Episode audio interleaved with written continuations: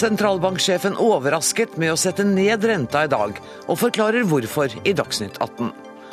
Utenlandske fond trekker seg fra Statoil pga. oljesandprosjekt. Hva synes oljeministeren om det? Halve Oslo vil være innvandrere i 2040, ifølge tall fra SSB.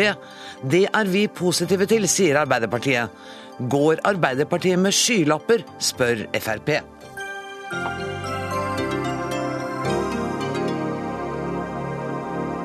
I sendinga skal vi også høre at en norsk roman om livet ved fransk eliteskole inspirerer nestleder Helga Pedersen. Hva kan Arbeiderpartiets nye kunnskapspolitikk ha å hente her, spør vi. Men først. I dag overrasker altså sentralbanksjefen hele det økonomiske miljøet, og en del andre av oss, med å sette ned styringsrenta med ytterligere 0,25 prosentpoeng. Reaksjonen på børsen lot ikke vente på seg. Krona ble umiddelbart markert svekket. Var dette nettopp det som var hensikten? sentralbanksjef eh, eh, Øystein Olsen, det å få svekket krona litt? Nei, var, vi spiller ikke mot valutamarkedet og vi følger ikke noe valutakursmål, selv om akkurat det utslaget på, på, på børsen, eller valutamarkedet, ikke var Fortegnet er ikke helt uventet, gitt de forventningene som var på forhånd. Men bakgrunnen for rentesettingen er en, er en, helt annen. Det er å gjøre det som er riktig og, og, og mest fornuftig på vegne av norsk økonomi, hvor vi avveier ulike hensyn mot hverandre. Og veldig kort fortalt så er det først og fremst det forhold at inflasjonen er lav. Eh, og utsiktene til at inflasjonen skal komme opp mot målet, er eh, enda vanskeligere med en sterk og en styrket krone, som vi har opplevd. Og så er det at eh, Europa særlig eh, er i en veldig vanskelig situasjon. Rentene kommer til å bli forbi lenge, lave lenge ut fra signaler.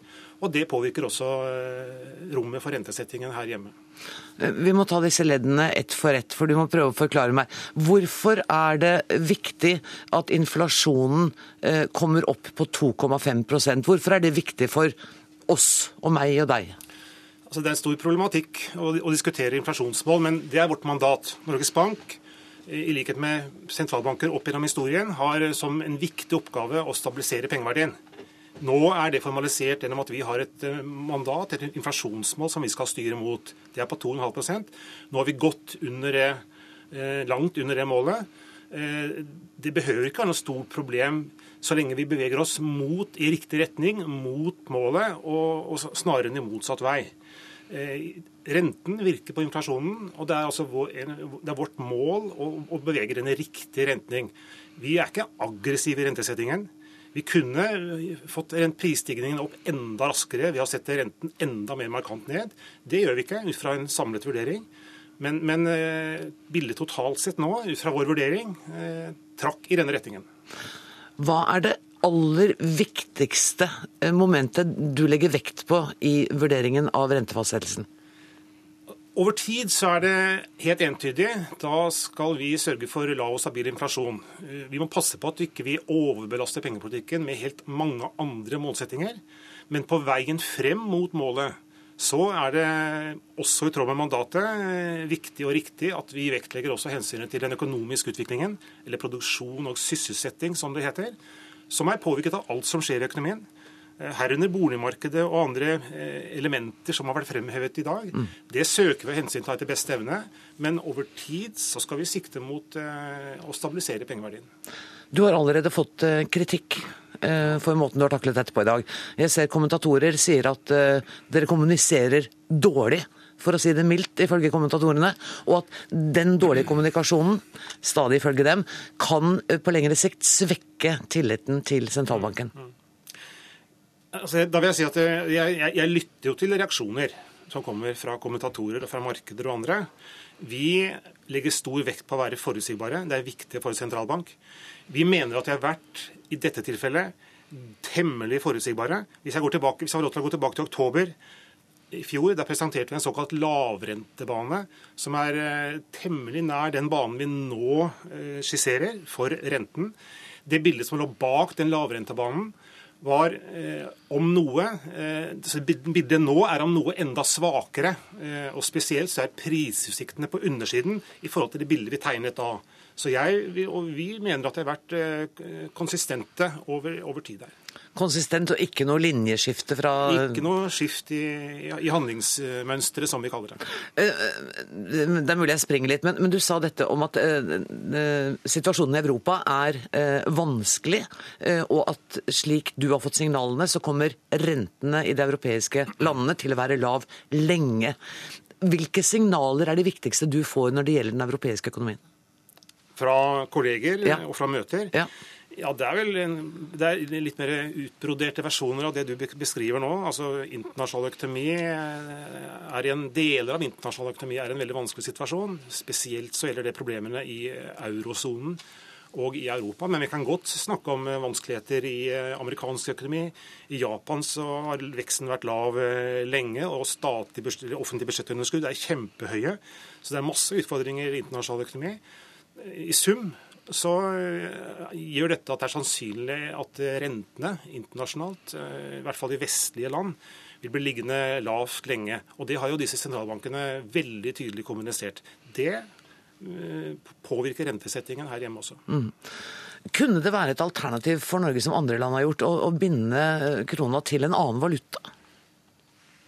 Mm, nei, Nei. Det, har, det, har, vi gjort, det har vi forsøkt før. Eh, det var altså Fastkurspolitikk i ulike varianter var på en måte modellen eh, helt fram til eh, la oss si, tidlig på 1990-tallet. Da, da, var utviklingen slik at det var lenger ikke mulig og eller fornuftig, og det, det, det står fast nå. Så, så, vi har Norges Bank nå har ikke noe spesiell målsetting rundt valutakursen. Men Valutakursen forblir en viktig kanal inn i norsk økonomi, som påvirker eh, Vi er en liten, åpen økonomi, og valutakanalen påvirker både sysselsettingsmuligheter, konkurranseutsatt sektor, og ikke minst fra vårt synspunkt inflasjonsutsiktene gjennom importert prisstigning.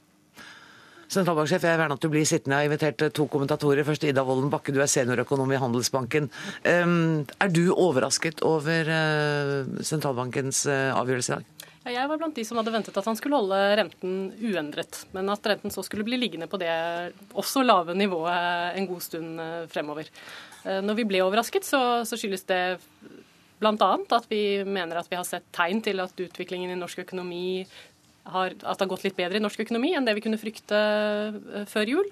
Og også at faren for en ny uh, kollaps i uh, europeisk bank- og finanssektor nå er mindre enn det vi så i desember. Er det en grov feilvurdering sentralbanksjefen har gjort seg skyldig i dag? Absolutt ikke. Jeg er ikke av de som er mest kritiske til det. Som sagt, det vi ventet, og det jeg for så vidt mener ville vært en vel så fornuftig beslutning, var å holde renten uendret. men fortsatt ha lave renter lenge. Nettopp av de samme grunnene som sentralbanksjefen trekker frem. Steinar Medios, du er økonomikommentator her i NRK. Vi hørte at kommentatorene raser og kaller det dårlig kommunikasjon. Er du enig i det? Nei, nå, Det er veldig interessant å høre. Dette er jo helt logisk det Øystein Olsen sier i dag. Eh, fordi han holder seg til dette inflasjonsmålet som er hans mandat. Eh, og det er Inflasjonsmålet er på 2,5% og prisstigningen er på 1,25. Så det er langt unna. Så egentlig kunne man satt bare det signalet og sagt ja, renten skal ned. Da skulle det vært satt ned enda før dette, til og med. Men eh, det har altså ikke blitt gjort. Men nå ble det gjort. Det overrasket tydeligvis 9 av 11 som ble spurt før dette. Så det er noe, altså de har sett, siktet på feil blink, kan du si. Eh, men jeg syns det var interessant at dette skjedde. Men når det er sagt, inflasjonsmålet som, som han gjentar nå, det er et veldig tydelig mål. Det er en slags handlingsregel for vår sentralbanksjef. Men det er, det er likevel et en stort område som ikke blir målt i inflasjonsmålet, og det er eiendomspriser. Hvorfor ikke det? Nei, det, det må nesten SSB og Norges Bank og sånt svare på. Det er gode grunner til dette. Men i alle fall, når prisstigningen inne på eiendomsmarkedet innen 15 års tid i Oslo-området har vært eh, en tredobling av eiendomspriser, og på landsbasis 200 eh, så er det klart at det er pussig at ikke disse prisstigningene går inn i vårt inflasjonsmål. Eh, da, da er jo ikke det noe presis matematisk mål på hvordan det går i økonomien. Så vi måler altså ikke den delen av økonomien vi er reddest for skal bli en boble. Og når han trykker på gassen, så er jo frykten for at boblen blir enda større, opplagt i stede. Ida Wollenbakke, hva vil eh, denne rentenedsettelsen ha å si for norsk industri, om noe? Eh, dersom den kronesvekkelsen vi har sett i dag varer ved, eh, og det er slett ikke sikkert, for det er svært vanskelig å spå den framtidige utviklingen til kronen, så vil jo det avhjelpe situasjonen noe. Eh, fordi eh, norske varer vil bli mer konkurransedyktige på verdensmarkedet. Så Sånn sett så tror jeg dette er velkomment for de delene av norsk industri som nå sliter. Nå skal det legges til at det er store deler av norsk industri, eller viktige deler av norsk industri, som er leverandører til eh, oljesektoren, som har langt lysere utsikter. Helt til slutt, sentralbanksjef. Det er jo ikke alle konsekvenser av en rentenedsettelse som er helt forutsigbare. Er det noe punkt du er litt spent på? Det er, en rekke på å si, responser og, og, reaksjoner på, i økonomien, snakker jeg om nå. Ja. Eh, på, på, vi, lever i spennende tider. Uh, uroen i Europa er ikke over. Problemene for Europa vedvarer. Så jeg er helt overbevist om at vi kommer til å stå for uh, nye runder med med, jeg kaller det gjerne krevende beslutninger, hvor vi er nødt til å avveie ulike hensyn mot hverandre. Særlig hvis bildet fortsetter ved at Europa har det veldig vanskelig, mens utsikt for norsk økonomi isolert sett eh, skulle tilsi en, eh, en, en høyere rente. Men vi er ingen lukket økonomi. Vi er en liten, åpen økonomi. Og du er helt sikker på at eh, det dere har gjort i dag, er riktig nå? Vi er, når vi tar beslutningen, så er vi trygge på at det er den mest fornuftige beslutningen, ja. Tusen takk for at dere kom, sentralbanksjef Øystein Olsen, Ida Volden Bakke fra Handelsbanken og Steinar Mediås fra NRK.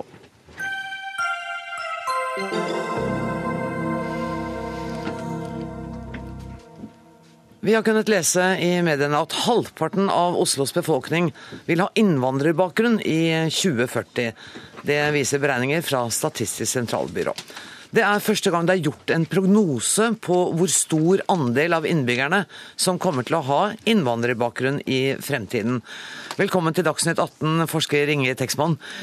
Hvordan har dere regnet ut dette? For det første så var det godt at du sa innvandrerbakgrunn. Det er jo litt upresist. Men med det så regner vi altså med de som selv har vandret inn i Norge, og de norskfødte barna av to innvandrerforeldre. Og de utgjør, vil jo etter hvert utgjøre ganske mange personer. Eh, men hvordan vi har kommet fram til dette Det viktigste bakgrunnen for at vi får denne veksten som vi nå har eh, publisert, det er jo at vi forutsetter at det kommer at innvandringsstrømmene til Norge skal fortsette å være ganske høye. Mm. Det har jo vært, eh, På 2000-tallet så har det jo vært en økende innvandringsstrøm. Og mye av dette kommer jo av at arbeidsinnvandrerne fra det tidligere altså, eller fra de nye EU-landene i Øst-Europa nå også utgjør en veldig stor del av innvandringen, samtidig som vi har eh, innvandrere fra mange land i verden utenfor Europa. Disse, og disse forutsetningene om høy innvandring, det er ikke noe nytt. Det har vi eh, lagt frem nå i flere år, og det som jeg bygger på her, det er jo den befolkningsframskrivingen som vi lagde i juni 2011, hvor vi hadde disse, disse anslagene. Og det er det mange i SSB som, som står bak. Det som er nytt nå, det er hvordan vi forutsetter at eh, innvandrerne i framtiden skal fordele seg på 31 norske regioner. Da har vi sett på mange fylker, og vi har sett på de største byene, og vi har lagt vekt på å lage en inndeling som ikke skulle lage for små regioner. sånn at vi har ikke laget dette for alle kommunene. Nei. Men, men dere har laget det for hovedstaden. Er det, er det litt tabloid hvis jeg sier at uh, i 2040 så kommer omtrent halvparten av Oslos befolkning til å ha innvandrerbakgrunn? Er det litt forenklet? Altså, det er jo en forenkling som, som vi har stått for selv. fordi at uh, når man skal legge fram, fram noen, noen, nye tall, så, så, velger man kanskje noe som det vil være interesse for i debatten. Men altså, vi lager jo ikke dette for å skape debatt. Vi lager jo dette for at det skal være uh, til planleggingsformål. Og generelt så vil jeg jo si at uh, altså, vi gjør jo et viktig arbeid med befolkningsframskrivinger. Mm. Og etter hvert som innvandringen får så stor betydning for befolkningsutviklingen, og innvandrerne har jo på noen områder litt annet mønster enn enn de som ikke har innvandrerbakgrunn. Blant annet så, så er det jo interessant å se på deres innenlandske flyttemønster, på deres utvandringstilbøyelighet. Og i det hele tatt så er det viktig å studere innvandreres demografi når vi lager befolkningsframskrivinger. Så vi ser på dette som en del av vårt viktige arbeid med, med det. Mm. Du, det vet jeg ikke om du kan si noe om, men, men, kan du si noe om hvor kommer disse eh, med innvandringsbakgrunn og innvandrerne til å komme fra? De, vil de i hovedsak være europeere, eller kan, har dere sett på det? Jo, altså vi lager vi lager eksplisitte forutsetninger om innvandringen fra tre grupper etter landbakgrunn. Og vi har god statistikk om, eh, om eh, innvandring. sånn at vi men vi deler det i tre grupper, og da er det sånn at to av de gruppene eh, kommer fra det som vi kan si EU-EØS-området. Så deler vi en vestlig gruppe og en egen gruppe for de nye EU-landene. Eh, I dag så er det sånn at eh, på landsnivå så er det ca. 60% som er fra gruppen fra land utenom EU-området, som er altså fra andre verdensdeler, og inkludert de landene i Øst-Europa utenfor EU. Ja, nettopp. Så det er et ganske komplisert bilde, egentlig. Ja. ja. Eh, vær med oss litt, for det, skal, dette får jo politiske konsekvenser, og jeg skal eh, ikke be deg om å, å um, gå inn på det. Men eh, Lise Christoffersen. Hallo. Hallo. Der var du. Lise Christoffersen, du mener at prognosen fra SSB er positiv. Og du representerer jo da selvfølgelig Arbeiderpartiet. Dere er glad for dette? Ja, vi trenger arbeidskraft i framtida. Vi har jo lenge Eh, strid med problemstillinger som går på befolkningsutvikling, hvor vi eldes og eldes, og hvem skal nå stå for arbeid, verdiskapning og produksjon i framtida, hvem skal ta hånd om oss når vi blir eh, eldre. Så vi trenger arbeidskraft i viktige yrker i offentlig sektor. Vi trenger det også i privat næringsliv. Minus 6000 eh, ingeniører var det vel i fjor vi var ute og leita etter. Nav, Eures, reise på jobbmesser i utlandet for å prøve å rekruttere portugisere portugisere og folk fra mange andre land. Så vi trenger arbeidskraft. Og Sigbjørn Johnsen har jo sagt at eh, det var jo kvinnenes inntog på arbeidsmarkedet på 70-tallet som la grunnlaget for den velferden vi har i dag. Men det potensialet er i veldig stor grad uttømt, som han sier. Nå er det innvandrerne vi må sette vår lit til for å sikre framtidig velferd. Men jo, du ser jo at det er et par-tre utfordringer her også, f.eks. når det gjelder integrering? Ja da, det er mange utfordringer. Vi fikk jo eh, en stor NOU i fjor Eh, om utfordringer på integreringsfeltet. Det jobbes med stortingsmelding om integrering, men samtidig så lykkes vi jo mye bedre med integrering i Norge enn det en gjør i veldig mange andre land. Og jeg ser jo min egen hjemkommune òg, er jo i samme situasjon som Oslo. Drammen. Eh, prognosen sier halvparten eh, innvandrere innen 2040, og der er kommentarene i lokalpressen i dag overveiende positive, både fra myndigheter og fra skribenter og andre. Da er det bra vi har deg, Morten Ørsal Johannessen. Du representerer Fremskrittspartiet og er ikke så entusiastisk positiv som Arbeiderpartiet er her? Nei, jeg er ikke det. Jeg baserer mye av det på de erfaringene vi ser fra andre land. Eh, hvordan da eh, økt innvandring har påvirket, påvirket de landene. Og det er ikke akkurat eh, positivt, alt som skjer med, med innvandringa. Det største utfordringa vi har i Norge, er jo integreringa. Eh, og jeg mener at eh, skal vi, skal vi ta imot eh, innvandrere som kommer da fra land ofte som, som, har store utfordringer fra før, og de har store personlige problemer, så får vi i hvert fall sørge for at vi ivaretar dem før vi begynner å ta inn nye. Og Jo mer dette øker på, jo større blir utfordringa med integreringa. Og når, når Lise Christoffersen her prater på, på arbeidsinnvandring, ja det, det, er positivt med arbeidsinnvandring, men, men nå må vi jo se på at en del av de som, som, som er arbeidsinnvandrere, så, så er òg arbeidsledigheten stor blant dem. Og, og, og uføretrygddelen av dem er forholdsvis høy. Men du, altså, Korriger meg hvis jeg tar feil, men en del av denne arbeidsinnvandringen er jo altså fra EU, eh, som vi har liten mulighet til å begrense? Ja, liten, ja vi har liten mulighet til å begrense den. Det, det, det, har vi, men, men, det er klart, eh, det vil òg den innvandringa vil på en måte kunne regulere seg sjøl. Hvis det ikke er jobb å få, så, så er det ikke så gjevt å komme til Norge. Men der har vi igjen en utfordring med at vi har et uh, sosialt system i Norge som gjør at du da får arbeidsledighetstrygd når du kommer til Norge. Så de vil komme til Norge for å få trygd? Og, og, det er klart, Den arbeidsledighetstrygden som en får i Norge, og de sosiale ytelsene får i Norge, er ofte på linje med det en, en månedslønn er i en del av disse landene. Ja, så det du sier at Uansett, eh, enten det er jobber eller ikke, så vil disse menneskene komme, og vi kan ikke stoppe dem. For det er faktisk folk som er eh, regulert og har lov til å reise i det europeiske arbeidsmarkedet? Det er fritt fram i EU å krysse grenser. Da, så hva skal Fremskrittspartiet gjøre da? Men, men, en del av den innvandringa har, er da ikke-arbeidsinnvandrere. Det er da innvandrere som kommer fra ikke-vestlige land, som har lav utdanning, som, som, som kommer fordi de har et beskyttelsesbehov, ofte i hvert fall. Og det er klart, Denne gruppa her er det da mulig å, å stramme noe inn på. Ja, altså Beskyttelsesbehov. Vi har jo våre forpliktelser etter internasjonale konvensjoner. Så folk som har krav på beskyttelse i Norge, vil jo og skal jo få det.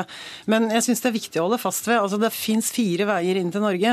Den ene er arbeidsinnvandring. Det er den langt, langt største gruppa. Så er det familieinnvandring. En god del av dem til de som kommer som eh, arbeidsinnvandrere.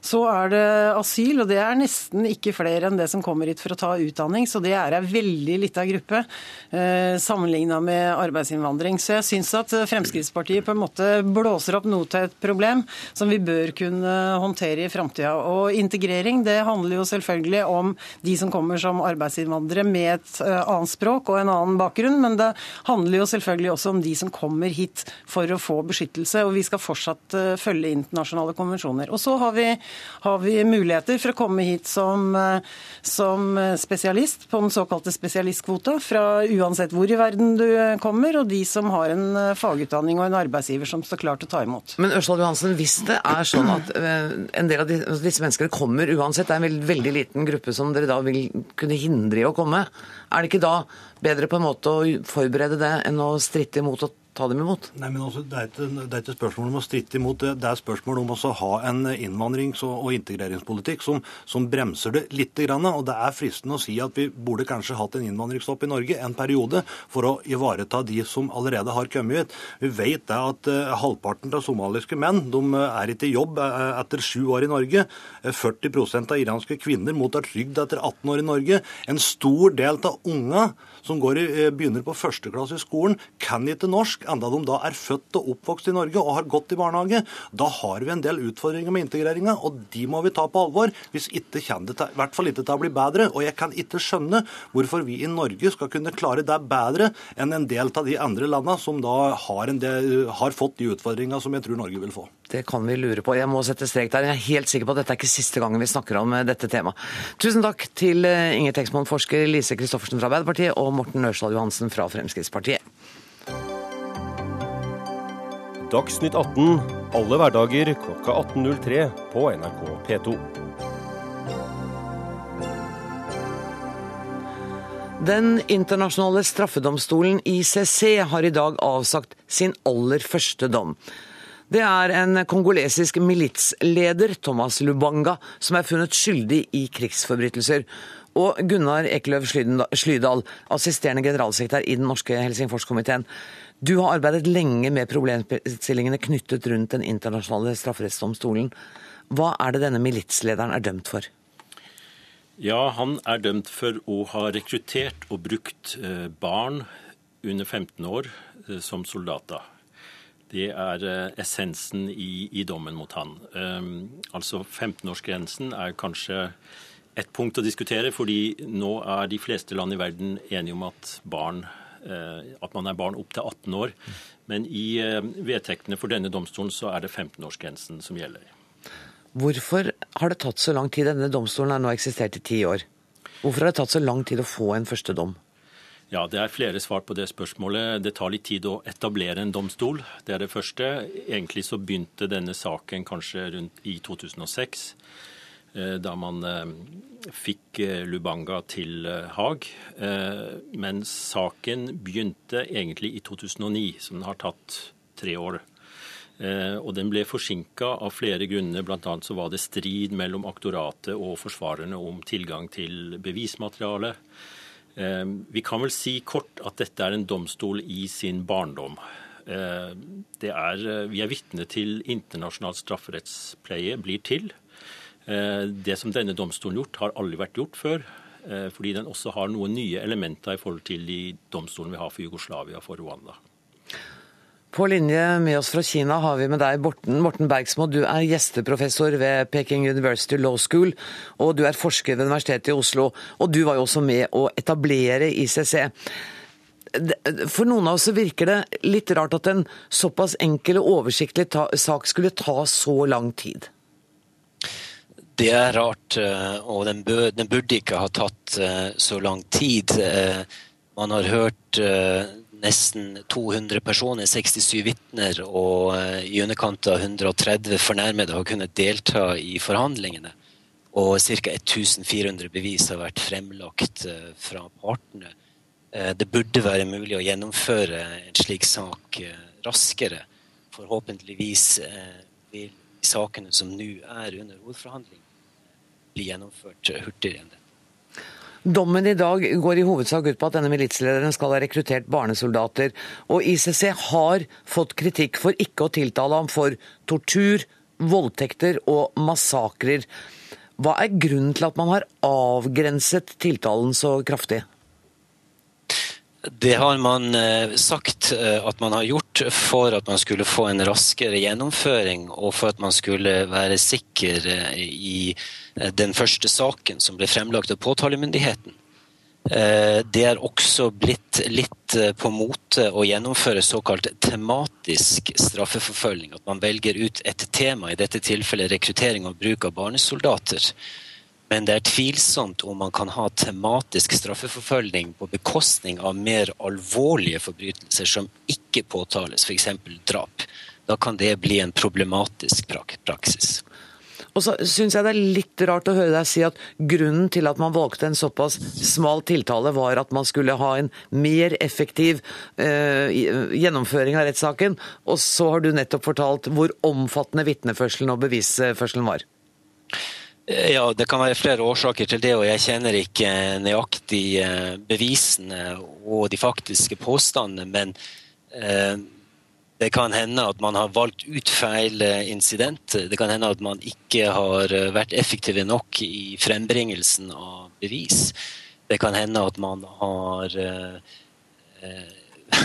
ikke valgt den ideelle siktede for en slik sak om rekruttering og bruk av barnesoldater. Det kan være flere årsaker som har gjort at påtalemyndigheten har kommet litt eh, eh, på hælene når saken startet. Tusen takk for at du var med oss fra Beijing, Morten Bergsmo, gjesteprofessor ved Peking University Law School, og altså forsker ved Universitetet i eh, Oslo. Eh, hva, hva, tenker Amnesty om ICCs, eh, altså Internasjonale strafferettsdomstolens, rolle ja, jeg skal ikke snakke på vegne Nei, unnskyld, jeg mente Helsingforskomiteen. Ja, unnskyld, beklager.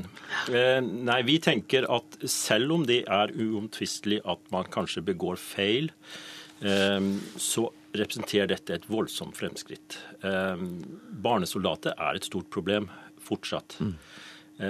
Det finnes barnesoldater i minst 15 land i dag. Så jeg er helt enig i at man kunne ha valgt et bredere eh, felt av forbrytelser, fordi det er uomtvistelig at denne militsen har begått flere forbrytelser. Men likevel så mener jeg at denne dagen er viktig, og at vi kanskje skal se på det positive. For første gang i historien så er en person dømt for å bruke barnesoldater. Um, og, og det representerer noe nytt i denne regionen i Kongo, som jo er først og fremst preget av lovløshet. Så ja, ICC kan bli bedre, men eh, alternativet er så mye verre. Mm. Det er ingen eh, straffeforfølgning i det hele tatt. Og det er ingen tvil om at denne domstolen den er nå i sin barndom, men den kommer til å bli en veletablert domstol når den får arbeidet seg gjennom flere saker. Det er ingen tvil om at denne domstolen blir bedre, men det som er et veldig viktig poeng, er at den trenger støtte. Eh, statene må støtte ICC, selv om ICC ikke er perfekt. Eh, de må arrestere folk. Fordi det er kanskje hovedproblemet i dag, at det er så mange tiltalte som ikke blir arrestert. Også i Kongo. Mm. Vi må sette strek for eh, samtalen om Den internasjonale straffedomstolen, men tusen takk for at du kom, Gunnar Ekløve Slydal, assisterende generalsekretær i Den norske Helsingforskomité. Tusen takk for at du kom.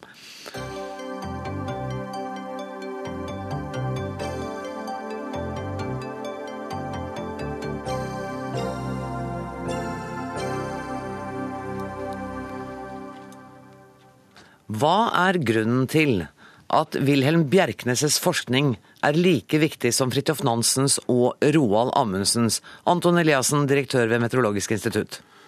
Vel, Wilhelm Bjerknes grunnla den moderne værvarslingen.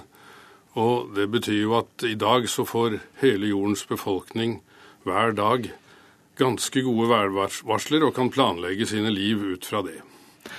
I dag er det på dagen 150 år siden værmeldingens far ble født. Um, og I en kronikk i Bergens Tidende så skriver du at pga. Bjerknes forskning så kan vi varsle ekstremværet Dagmar, men også tre varmegrader i Fredrikstad på fredag og nedbør fram ettermiddagen. Du må forklare meg hva var det han gjorde som gjør dette mulig?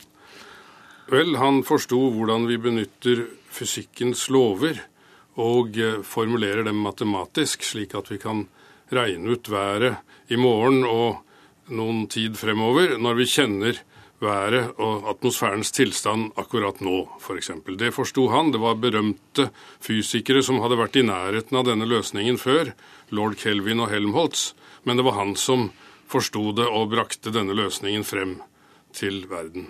Og slik jeg forsto det, så, så, er det snakk om å stille en diagnose og så skape en prognose? Ja, diagnosen er været nå overalt i verden, hvis man skal lage lange prognoser. Og prognosen er å benytte disse matematiske ligningene som kommer fra de fysiske lovene. Du skriver også at noe av grunnen til at vi vet så lite om Wilhelm Bjerknes, er fordi dere meteorologer rett og slett er litt for dårlige i PR? Ja, det kan man vel kanskje si. Nå kan man kanskje gjøre et unntak for uh, meteorologi på TV, for det har jo vært veldig populært uh, opp gjennom tidene. Men Nansen og Amundsen gjorde jo veldig spektakulære ting i sin tid. Og å forstå hvordan man skulle løse et ligningssett det er kanskje ikke like spektakulært som å dra til Sydpolen eller å drive over Nordishavet. Men det er minst like viktig? Ja, det er minst like viktig i dag. Sigbjørn Grønås, du er professor emeritus i meteorologi ved Universitetet i Bergen og Bjerknessenteret. Og du skriver også om Bjerknes i en kronikk i, Aften, i, kronikk i Aftenposten i dag. Du nevner bl.a. en kronikkserie i Aftenposten skrevet av Bjerknes og den hadde en lengde som er seks ganger lengre enn dagens kronikker. Um, vi var jo inne på dette med at man kanskje burde hatt PR-konsulenter. Hva var budskapet til Bjerknes i kronikkene? Budskapet var akkurat det som Anton eh, forklarte, hvordan problemet værvarsling kunne løses ut fra vitenskapelige metoder. Og han eh, forklarer til folk Eh, hvordan en kan få tak i observasjoner for alle lag av atmosfærene overalt. Og hvordan disse kan brukes til å bestemme diagnosen. Og han forklarer faktisk eh, hvordan en kan løse disse ligningene som på fagspråk heter partiell ikke-lineær differensialligner. Og takk skal du ha. ja, og dette forklarer han hvordan det går an å, å gjøre for, eh, for alminnelige folk. Jeg går ut fra at både du og Anton Eliassen er enige om at den mannen burde hatt en nobelpris, men det fikk han aldri? Nei, han fikk ikke nobelprisen. og Ankepunktet mot han var at, at eh, værvarsling ikke representerte eh, eksakt fysikk. Og det kunne de ha rett i, men uh, atmosfæren er et kaotisk system, sier vi i dag. Og vi vet at uh, at det må være sånn, selv om denne diagnosen blir så god som overhodet mulig, og du har regnekapasitet til å regne deg fram til neste tilstand, alt det du ønsker deg, så er det begrensninger i hvor langt fram vi kan eh, varsle været. Det bare er sånn, sa Theisen. Eh, når det gjelder denne dagen, dere mener jo begge to at eh, denne dagen burde markeres. Hvordan har dere feira den i Bergen i dag? Ja, jeg har fått æren av å holde et foredrag for studenter og forskere og andre interesserte. Blant uh, tilhørerne var tre barnebarn av uh, Wilhelm Bjerknes. Og så hadde vi en liten kakefest etterpå med bløtkake og saft. Som seg hør og bør, Anton Eliassen, har du feira det i dag? Ja da, det har vi sammen med Universitetet i Oslo. Og i et hus som er kalt opp etter Wilhelm Bjerknes, og heter da Wilhelm Bjerknes hus, så har vi feiret det med foredrag og andre hyggelige ting. Og eh, kanskje blir det en nasjonalfeiring. Nei, det blir vel ikke det. Men uh, vi, han blir i hvert fall ikke glemt, og vi har bidratt til det i dag. Tusen takk for at dere kom, Anton Eliassen og Sigbjørn Grønås.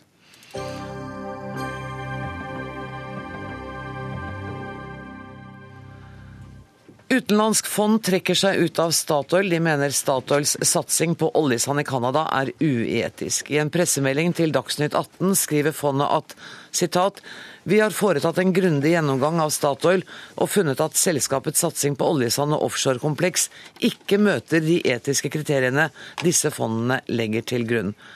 Velkommen, eh, oljeminister Ola Borten Moe.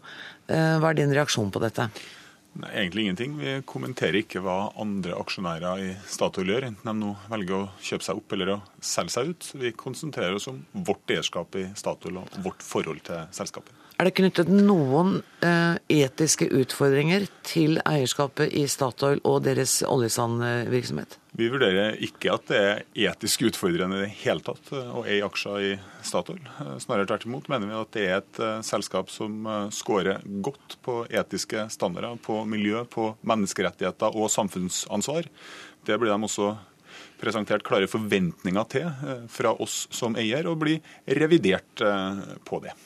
Og den holdningen om at det er uproblematisk, den gjelder også oljesandutvinningsprosjektet?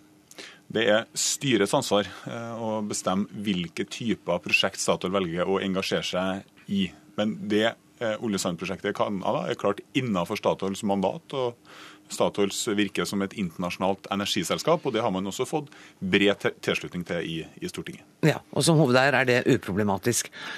Fondet sier at de er bekymret over at oljeselskaper dundrer inn i oljevirksomheten uten å tenke på konsekvensene. Altså, som, Igjen så vil ikke du kommentere det. Eh, den svenske statskirken har også trukket sine investeringer. Det har også den eh, svenske banken Svebank. Selv om ikke du vil kommentere dette, så registrerer du det jo, i hvert fall. Og det må jo få deg til å tenke at det er eh, de med høy etisk fane som velger å gå ut av det. Du bør ikke kommentere på det enkelte fondet. Men du må jo tenke noe generelt om situasjonen? Ja, altså jeg registrerer jo at det er ulik, altså ulike holdninger, eh, og at det er en eh, diskusjon. Eh, det er vel derfor vi er samla her rett og slett i dag også, vil jeg tro. Det er en diskusjon som jeg ikke er verken redd for eller syns er problematisk. Det er Statoils styre sitt ansvar å bestemme om man ønsker å være i denne type prosjekt eller ikke. Men det er godt innenfor det mandatet Statoil har som et internasjonalt energiselskap.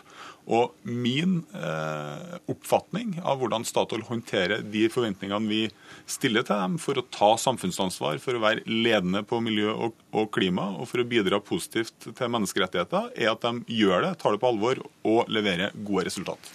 Nina Jensen, du er generalsekretær i WWF. Hva er problemet med denne oljesandutvinningen til Statoil? For det første så vet vi at All klimavitenskap tilsier at tre fjerdedeler av alle de gjenværende fossile ressursene må bli liggende i bakken. Da sier det seg selv at man begynner eh, med den verste oljen. Tjæresand er det skitneste, det dyreste og det mest risikofylte oljen som man kan utvinne. I tillegg så er det en klimaversting. Det ødelegger naturområder eh, over eh, enorme arealer, og det forgifter leveområdene for mennesker og dyr.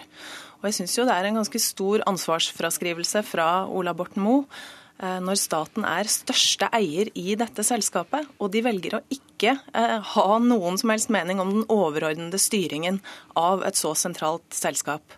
Statoil har faktisk en utrolig viktig rolle å spille som et framtidig energiselskap, men da må de satse også på de fornybare energikildene, og ikke på de skitneste energikildene, som nå selv store og viktige investorer trekker seg ut av. Statoil er jo et, eh, først og fremst et olje- og gasselskap, eh, og har jo vært det i, i over 40 år.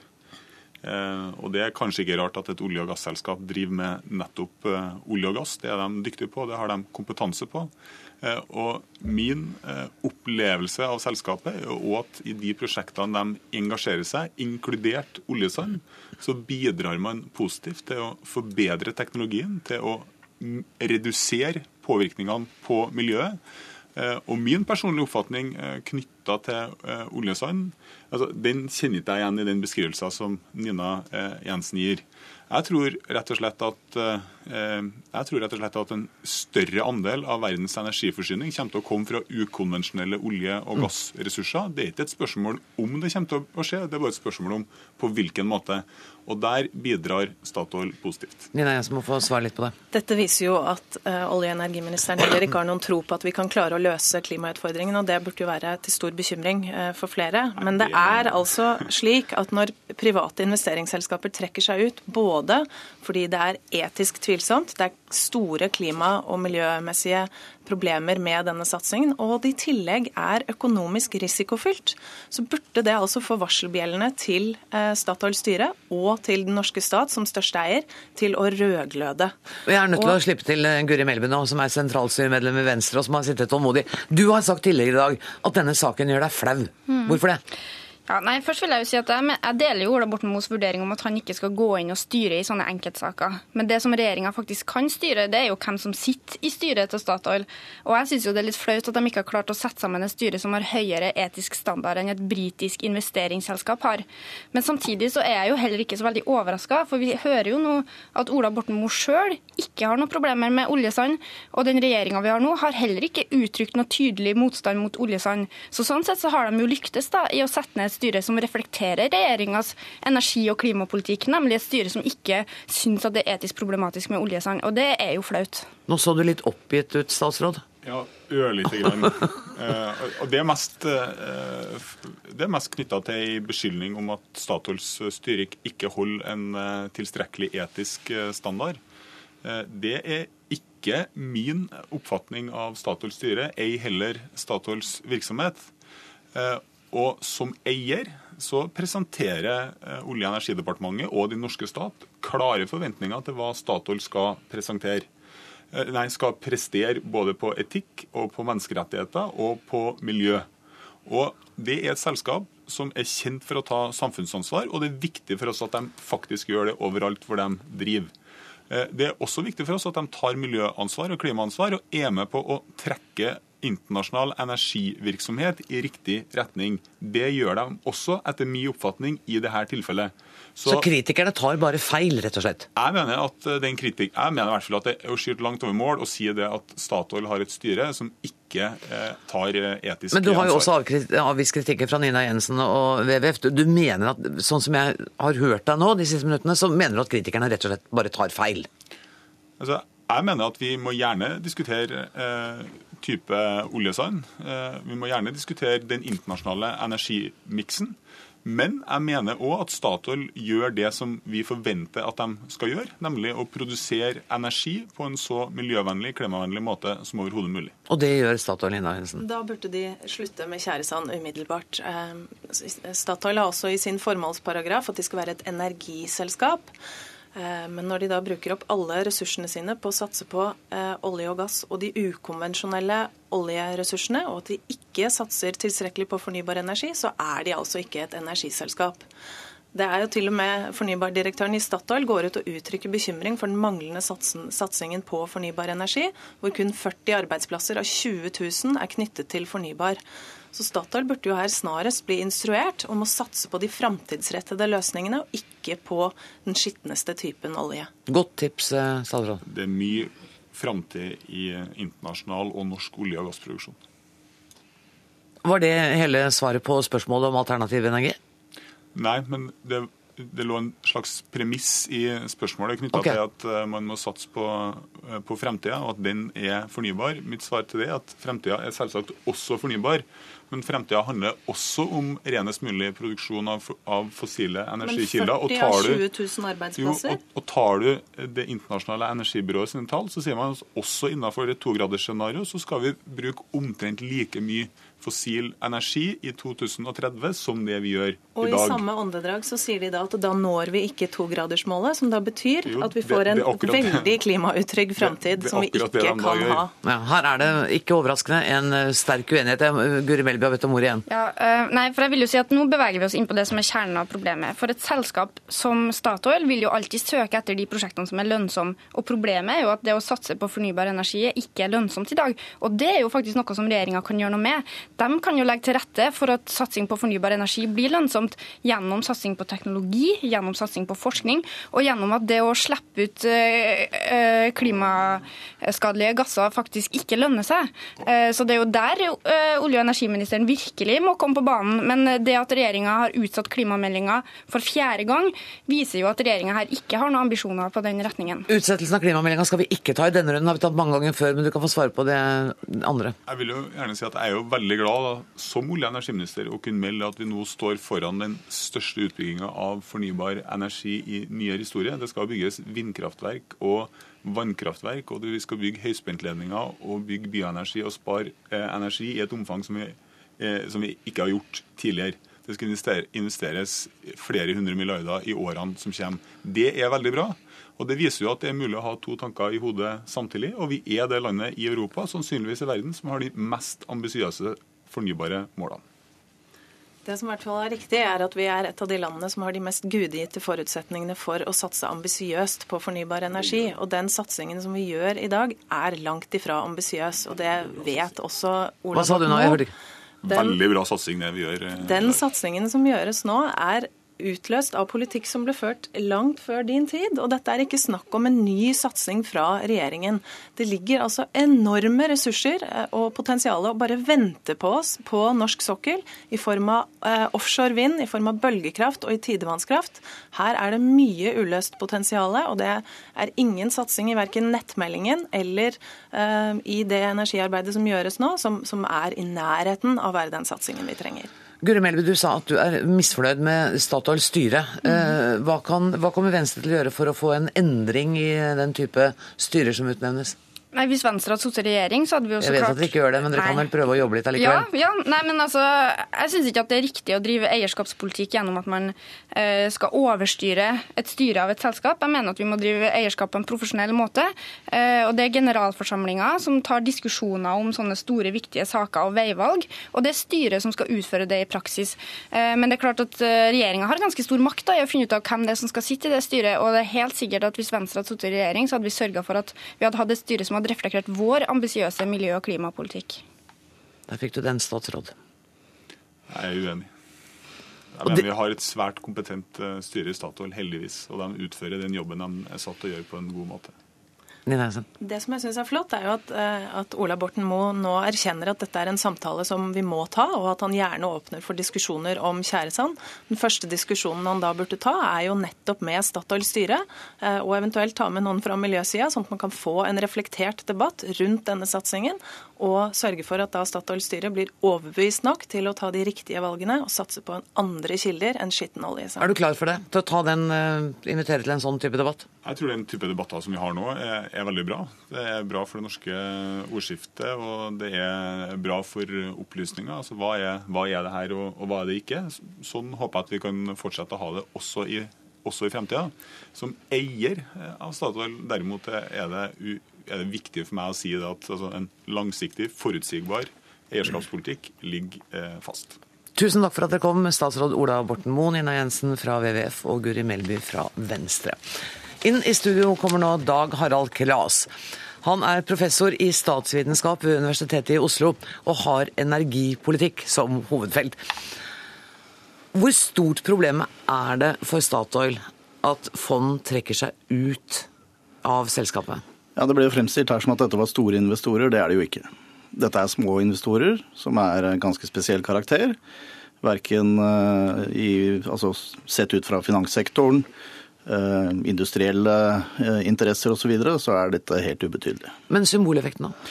Ja, Symboleffekten kan selvfølgelig være der, men jeg tror nok det er veldig veldig mange investorer som overhodet ikke legger disse, dette utvidede etikkbegrepet, som jeg følte preget debatten, til grunn for sine investeringer i Statoil. Men, men når du hører eh, Nina Jensen fra WWF og representant fra Venstre eh, snakke om at eh, oljesand er faktisk eh, det skitneste, det verste, og statsråden avfeier kritikken, hvem av dem er som har rett? Nei, men jeg er helt enig. Altså, av den måten vi forsøker å produsere olje på i verden i dag, så er eh, det å utvinne denne oljesanden noe av det mest skitne du kan gjøre. Det er det ingen tvil om. Så er spørsmålet skal vi gjøre det allikevel eller ikke. Det er jo på en måte der eh, du kan få et etisk eh, dilemma eh, Ja. rundt, rundt det. Derfor har jeg bedt deg. Ja, nettopp.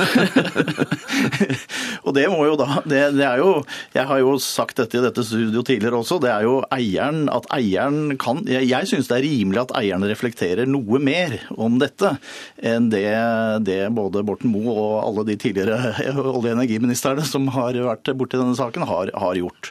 Eh, miljø, miljø, miljøvernminister Erik Solheim har jo sagt at han syns oljesand er noe av det verste det går an å drive med. Allikevel så reagerer ikke regjeringen overfor selskapet, verken på generalforsamlingen eller på andre, andre måter.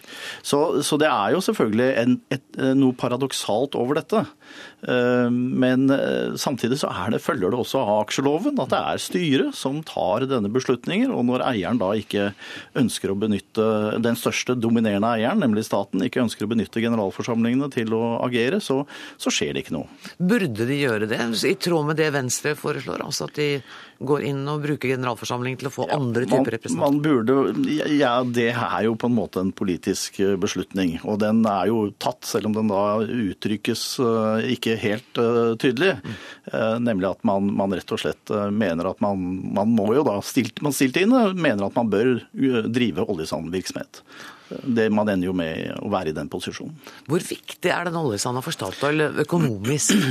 Ja, det, dette er et, det er, masse utgifter og ingen inntekter. Så, så det er ikke noen inntekter fra oljesandvirksomheten til Statoil i det hele tatt. Eh, de har ikke tjent en krone på dette. Eh, så dette er en, tank, dette er en langsiktig eh, logikk rundt dette. Og det, det, vi er ikke i nærheten av å utvinne disse ukonvensjonelle oljeressursene i det hele tatt ennå. Men det som har skjedd, hvis vi tar parallellen til gass, skifergassen, mm. som jo var på, på denne kanalen rett før, rett før ditt program eh, i løpet av bare noen måneder, i løpet av et halvannet år, så fikk du en teknologisk revolusjon når det gjaldt utvinnelse av skifergass, som gjorde enorme, eh, tidligere ikke-lønnsomme ressurser lønnsomme. Mm. Og det er det man håper på skal skje? Det er den logikken som gjør at man går inn i disse langt mer problematiske, langt mer teknologisk utfordrende reservene, sånn som oljesand, fordi man forventer, eller man har et håp og tro på at man ved å bruke litt krefter på dette, kan gjøre de store ressursene lønnsomme. Og de er store. Altså de kanadiske oljesandressursene er de nest største oljeressursene etter de saudi-arabiske konvensjonelle. Tusen takk for at du kom og oppklarte dette, Dag Harald Klas, professor i statsvitenskap ved Universitetet i Oslo. Hør Dagsnytt 18 når du vil, på nettradio eller som podkast. nrk.no – dagsnytt 18.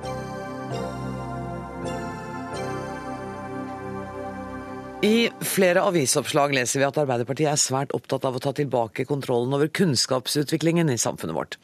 Partiets nye kunnskapspolitikk, ledet av næringsminister Trond Giske, skal meisles fram til landsmøtet neste år, og da gjelder det å tenke kreativt i hele partiet. Nestleder Helga Pedersen, du har latt deg inspirere av romanen 400 franske fornærmelser. Hvorfor det? Jeg syns det er en eh, fantastisk godt skrevet roman om hvordan det er å være norsk skoleelev på videregående skole i eh, Frankrike. Eh, jeg var jo sjøl en del av det, og jeg syns Øyvind her beskriver det veldig godt. Eh, de erfaringene er i for seg eh, viktige nok, men jeg mener at vi nå må eh, sparke enda flere norske ungdommer ut hjemmefra. Sende dem ut i den store verden, både for å lære språk, ny kultur, viktige fag, og ikke minst få de personlige erfaringene man får når man reiser ut. Øyvind Ellenes, du har skrevet romanen. Er det rart å sitte og høre sånt skryt av boka di? Nei, det er alltid fint å høre skryt. Det er det jo. Jeg har lest den, og den boka handler jo Du er jo også en av dem som har gått der. Eh, den handler jo om ensomheten, jeg, og hjemlengselen. Problemene med å venne seg til det. Ehm, jeg skjønner at det ikke er en selvbiografisk roman, men dine opplevelser, var det likevel verdt det? Ja, det er jo vanskelig å si. Altså, når man har vært der, så er man jo prega for alltid. Og det mm. tror jeg jo romanen handler om. Ehm, men eh, det er klart det er masse som jeg har med meg fra den opplevelsen der. Det var der jeg begynte å skrive. Det var der jeg møtte den franske litteraturen, som har vært viktig. Og i det hele tatt det franske, det franske forholdet til litteraturen, som jeg nok fikk, ja, som jeg fikk der. Visste du lenge at du skulle skrive denne romanen? Har den modnet seg lenge hos deg? Jeg tror egentlig det var helt omvendt at jeg tenkte at jeg i hvert fall ikke skulle skrive den romanen, at noen andre kunne gjøre det. Eh, av mange grunner, men eh, jeg hadde ikke lyst til å skrive en veldig personlig roman, og det tror jeg heller ikke jeg har gjort. Eh, fordi det er på mange måter en kollektiv opplevelse det er snakk om her. Mm. Og Helga Pedersen, det å reise ut som ung tenåring Jeg vet ikke hvor mye fransk du kunne før du nei, jeg hadde et lite forkurs her i Oslo på noen uker før eh, jeg dro ut, som alle de andre som drar ut på akkurat det her eh, opplegget. Eh, men jeg kunne jo i praksis eh, ingenting. Eh, og da er jo læringskurven desto brattere. Det er ingen grunn til å tegne noe glansbilde av det å gå på videregående skole i Frankrike. Det har jo heller ikke Øyvind gjort i Absolutt ikke. boka si. Men likevel så mener jeg at det var eh, verdt det. For du sitter igjen med så mye kunnskap og så mange erfaringer etter de tre årene. Et språk får du alltid bruk for uansett eh, hva du gjør. Jeg har hatt bruk for det i det politiske liv. Mange andre vil dra nytte av det, enten man er forfatter eller driver med reiselivsvirksomhet eller skal selge eh, metaller eller fisk til eh, Frankrike. Men samtidig er den personlige erfaringa også en utrolig gevinst. For når du har strevd gjennom strevd deg gjennom de her tre årene i et fremmed land med fag, filosofi og matematikk på et eh, fremmed språk, da har du på en måte etterpå en følelse av at du egentlig kan klare hva som helst. Er du enig i det? At eh, etter det så har man en følelse av å klare? Mm, Hvis jeg skal snakke for romanpersonen, så er det vel ikke følelsen av å klare som er så utprega der. Det er vel mer følelsen av å havne i noe som er veldig fremmed og annerledes enn det man kommer fra, og ikke mestre ting. F.eks. språket, da. Um, men samtidig så lærer han jo fransk, og han lærer mye om seg sjøl, om litteraturen, om andre mennesker. Og personen din eh, i boka lærer jo også mye om vennskap. Ja, absolutt. Det er jo på mange måter en roman om vennskap. Om bånd. Ja. Og Helga Pedersen, denne, denne ordningen eksisterer jo. Altså, Ungdommer kan reise dit, og det er betalt av staten. Ja. Ferier er betalt. Altså, det, det høres ut som et luksusliv. Ja, det er jo på ingen måte det. Du bor på internat. Eh, I min tid bodde vi på tremannsrom. Øyvind bodde vel på tomannsrom. Og enkelte har jo bodd på sovesaler med eh, atskillig flere mennesker rundt seg eh, døgnet rundt. Så det er ikke noe luksusopplegg. Men det som i hvert fall er tilfellet, er at alt blir betalt av den norske staten, også litt av den franske staten. Det er tilgjengelig eh, for alle, men du blir selvfølgelig eh, valgt ut på bakgrunn av eh, eh, karakterer og, og andre eh, ting. Søknadsfristen for å reise ned neste skoleår det er 1. april, så de, eh, både jenter og gutter som kan tenke seg å gå på videregående eh, sånn De må hive seg rundt. stu- Ja, de må hive seg rundt nå og finne frem søknadsskjema. Vi snakket i går eh, i Dagsnytt 18 i en helt annen sammenheng om det å være i en mental polvott. Det på en måte det å være liksom fornøyd og nok med, med seg sjøl. akkurat det der med å vende nesa litt utover er jo viktig for Arbeiderpartiet. Ja, det er ekstremt viktig. Eh, Nå er det jo mange norske ungdommer som reiser ut for å studere. Men utviklinga går faktisk i litt feil retning. Det er en svakt dalende kurve på ungdommer som reiser ut for å studere. Og det er også sånn at veldig mange velger å studere i engelskspråklige land. Det er vel og bra, men vi trenger også eh, ungdommer som reiser til Frankrike og Tyskland, og ikke minst til Brasil, Russland, India og eh, Kina. Også det er blitt enklere nå enn det det var før. Uten at jeg skal påstå at det er enkelt. Øyvind Elnes, ville du, eh, hvis vi ser bort fra romanen din, ville du anbefalt andre unge å reise ut? Det tror jeg er veldig individuelt, altså. Fordi det kommer helt an på hvem som spør, og hvem som ønsker seg dit, hva, hva man vil få ut av det. Ville du reist igjen? Um, det er nesten for vanskelig å svare på. Jeg er veldig glad for at jeg gjorde det. Og er du i gang, kan jeg spørre er du i gang med en ny roman? Nei. Det er du ikke. Men du skal ha tusen takk for at du skrev 400 franske fornærmelser. Og jeg må si takk for at dere kom i studio, Helga Pedersen, nestleder Arbeiderpartiet, og altså Øyvind Ellenes, eh, forfatter. Det nærmer seg slutten på nok en eh, Dagsnytt 18-sending. Ansvarlig i dag har vært Dag Dørum. Det tekniske ansvaret har Arnt Egil Nordlien. Jeg heter Anne Grosvold. I morgen sitter Sverre Tom Radøy på denne stolen. Takk for nå.